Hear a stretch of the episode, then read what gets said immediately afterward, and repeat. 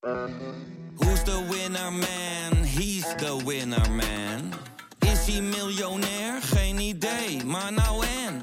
Je hebt geen jackpot nodig to be a winner man. Oh oké, dat is wel lekker man. Hey VIZSM-luisteraar. Wil jij genieten van de beste VI Pro-artikelen, video's en podcasts? En wil jij nog meer inzichten krijgen rond al het voetbalnieuws? Word dan nu lid van VI Pro. Voor exclusieve podcasts, tactische analyses, interviews met spelers en financiële inzichten. Ga nu naar vi.nl slash zsmpro voor de scherpste aanbieding.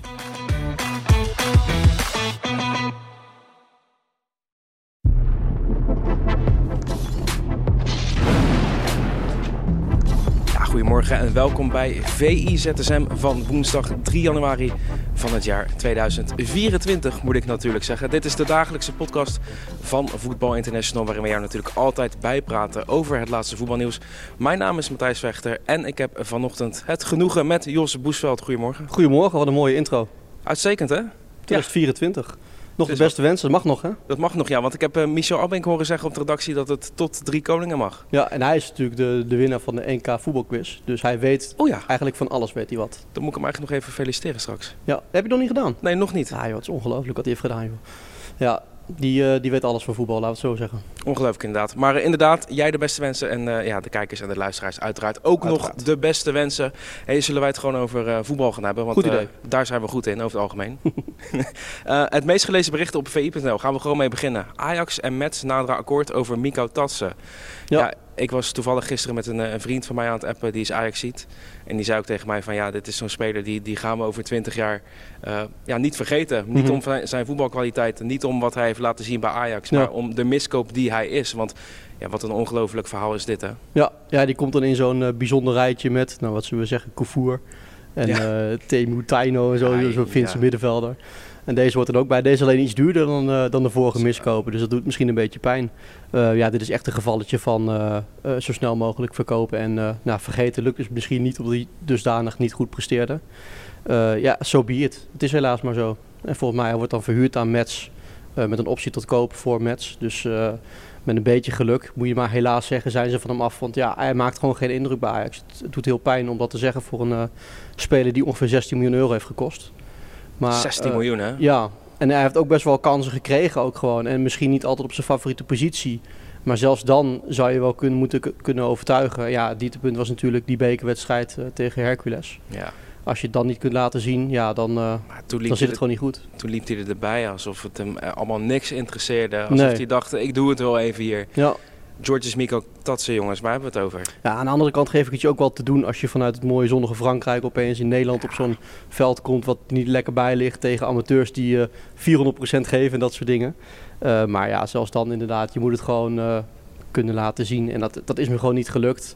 Dus ja, in dit geval, dan moet je maar afscheid gaan nemen van hem. Ja, want in aanleg is het toch geen prutser, denk ik. Nee, dat denk ik niet. Het is gewoon international van Georgië. Hij heeft het heel goed gedaan in, in de Ligue 2. En daarna ook in de Ligue 1 bij FC Metz. Eh, maar dan komt het er hier gewoon niet uit. Ja, en het, het kan allerlei redenen hebben. Hè. Kijk, het is natuurlijk wel een, een aanpassing om in Nederland te gaan wonen.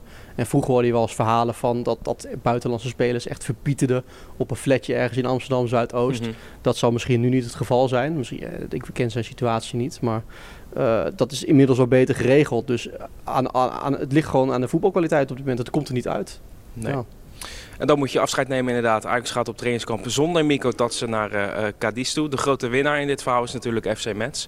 Die Ja. hebben flink gecashed, krijgen hem nu weer op huurbasis terug. Ja, ik, ik, ik zou niet weten wat de afkoopsom straks is als ze Nee. hem willen overnemen. Nee. Maar dat zal geen 16 miljoen euro zijn, toch? Nee, ik heb wel gelezen, maar dat is echt puur speculeren, dat het wel in de buurt zit. Dus het is niet zo dat Ajax gigantische verliezen gaat leiden. Maar dat hebben wij zelf nog niet bevestigd kunnen krijgen. Dus dat vind ik moeilijk om erover te praten. Maar Hey, eh, een van de andere meest gelezen berichten gaat over eh, Jean-Paul Verhastel. Die is eh, hoofdcoach van NAC Breda op dit moment. Ja.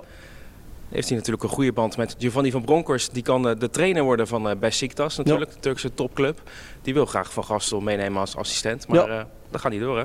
nee, en ik denk dat ik vind persoonlijk, als ik het zo allemaal lees, en natuurlijk we lezen het weer van de buitenkant, maar we hebben onze bronnen, heb ik echt het gevoel dat de zaakwaarnemer van Van Gastel misschien een foutje heeft gemaakt in de onderhandelingen met NAC Breda, door niet iets van een clausule op te nemen of zoiets. Want Ja. dat zie je gewoon vaak in het voetbal. Dat, dat je ergens tekent en je zegt van ja, als ik ergens anders een kans kan krijgen bijvoorbeeld, dan wil ik zorgen dat ik weg kan.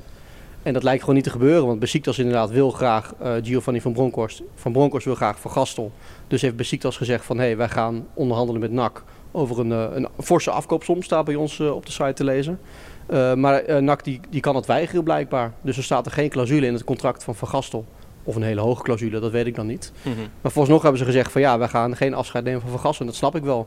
Ik bedoel, NAC is een, een ploeg die weer aan het opbouwen is na een hevige val. Volgens mij toen Van Gastel werd aangesteld stonden ze 15 of zo. Of in ieder geval diep onder in het rechte rijtje. En nu uh, doen ze gewoon mee weer voor, voor promotie. Staan weliswaar in de middenmotor. Maar ja, tegenwoordig in de KKD speelt iedereen play-offs, uh, zowat. Ja. Uh, dus ja, ik snap wel dat NAC zegt van ja, dit gaan wij niet doen. En dan is er nog eigenlijk nog een ander vraagstuk wat ik jou wil voorleggen. Hè? je bent Jean-Paul van Gastel. Je bent jarenlang assistent geweest bij, met, tenminste van Giovanni van Bronckhorst. Mm -hmm. Eerst bij Feyenoord, later in China nog. Ja. Toen is hij op eigen benen gaan staan. Heeft hij die, die Chinese club heeft hij nog geleid. Guangzhou geloof ik uh, heet hij. Um, nu is hij weer hoofdtrainer bij mm -hmm. NAC Breda. Dan denk je, een fantastische baan voor uh, Van Gastel. Is Ja. ook een, uh, een jongen uit Brabant. Hij is geboren in Breda, toch? Of zeg ik dat verkeerd? Volgens mij is het echt een, uh, inderdaad een, een, een, Het is sowieso een Brabant. Ja, dus ja. NAC is ook zijn club. Mhm. Um, en dan kan je weer assistent worden van Giovanni van Bronckhorst bij. Met alle respect bij Siktas. het is geen Europese top of zoiets. Nee, maar wel Turkse top. Dat het is Turkse top, uiteraard. Maar moet je dat willen? Je bent hoofdtrainer bij NAC Breda. Ja, ik denk dat het alles te maken heeft met de band die je hebt met, eh, met Giovanni van Bronckhorst. Mhm. Ik bedoel, als die band heel goed is en je werkt zo prettig samen, ja, dan kan ik me voorstellen dat het ook weer een mooi avontuur is wat je aan kunt gaan. En misschien zal Van Gastel denken van ja, ik, ik, ik ben al assistent geweest van Van Bronckhorst en daarna ben ik trainer geworden van een mooie club in Nederland.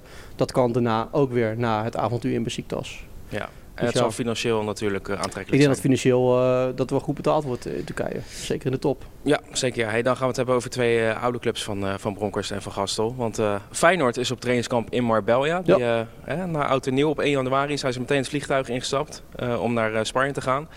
Uh, Zo'n nieuwjaarsdag. Hè. Ik vind dat altijd uh, lekker om, uh, om even helemaal niks te doen die dag. Mhm.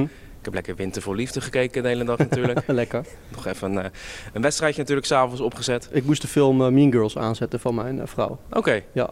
Moest, zeg je ook bij inderdaad. Ja, het was... uh, een, een, ja, het, het, ik kon er niet onderuit, laat het zo zeggen.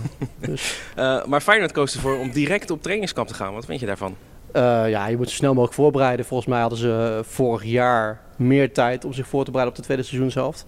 En nu komt het iets sneller al al. Dus ja, je, je moet gewoon zo snel mogelijk uh, richting Spanje in dit geval om, om je uh, voor te bereiden. Want ja, er wacht Feyenoord een flinke klus in de tweede seizoenshelft. Ja. Dus ik snap wel dat Slot zo snel mogelijk wil beginnen. Want vorig jaar werd natuurlijk uh, op het trainingskamp de basis gelegd voor het uh, uiteindelijke kampioenschap. Ja. Nu zal er een soort basis moeten worden gelegd voor een eventuele comeback, hè, als dat nog mogelijk is. Ja.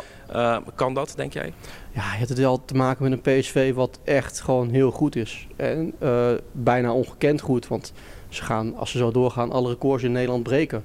Ja. Dus uh, ja, het enige wat je moet hopen is dat het een keer misgaat voor, voor PSV, als Feyenoord zijnde. Uh, maar dat zie ik op dit moment, is er geen enkele aanleiding om te denken dat het misgaat bij PSV. Dus is het mogelijk? Natuurlijk, alles is mogelijk. Is het aannemelijk? Nee, vind ik weer niet. Nee. Uh, Martijn Krabbedam, onze Feyenoordwatcher, zit natuurlijk in Marbella. Zit bovenop die, die ploeg. Heeft een uh, stuk geschreven, is het meest gelezen op VI Pro. Met als kop, Slot vertrouwt weer op de kracht van het trainingsveld. Wat, uh, wat staat er te lezen in het stuk, uh, Jos? Nou, onder andere uh, dat hij ervoor gekozen heeft om dichter bij het hotel te zitten vanwege de goede faciliteiten. Uh, en ook gewoon drie doelstellingen waar hij echt aan wil werken. Dus het fysieke gedeelte, wat hij heel belangrijk vindt. Dat hij zegt van ja, wij willen gewoon onze tegenstander aftroeven aan de bal, maar ook zonder bal. Dus fysiek is het dusdanig sterk zijn. En wat ik ook een heel belangrijk uh, detail vond in het stuk, is de standaard situaties waar Feyenoord gewoon heel veel moeite mee heeft gehad in de eerste seizoenshelft. Met name in de Champions League.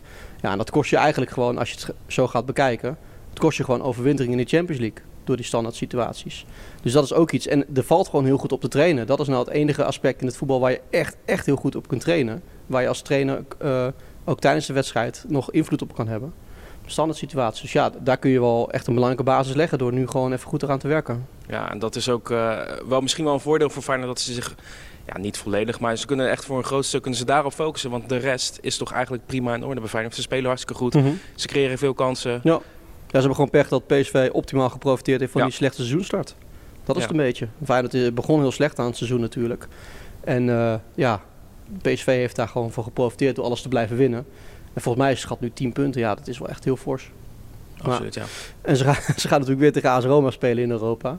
Hoe vaak ben jij inmiddels in Rome geweest eh, voor VI? Ja, eh, twee keer nog maar. Maar Martijn valt Krabbedam mee. die is volgens mij al vier keer geweest. Ja, we natuurlijk ook nog Lazio. Alleen die we komen wellicht nog wel een derde keer aan inderdaad Ja, voor mij. en daar moeten ze ook op voorbereiden. Ja, hetzelfde hotel, zelfde La, La Gazzetta della Sport. Precies. Op de kop. Alles hetzelfde, ja. Zelfde Ja. cappuccino erbij. Heerlijk.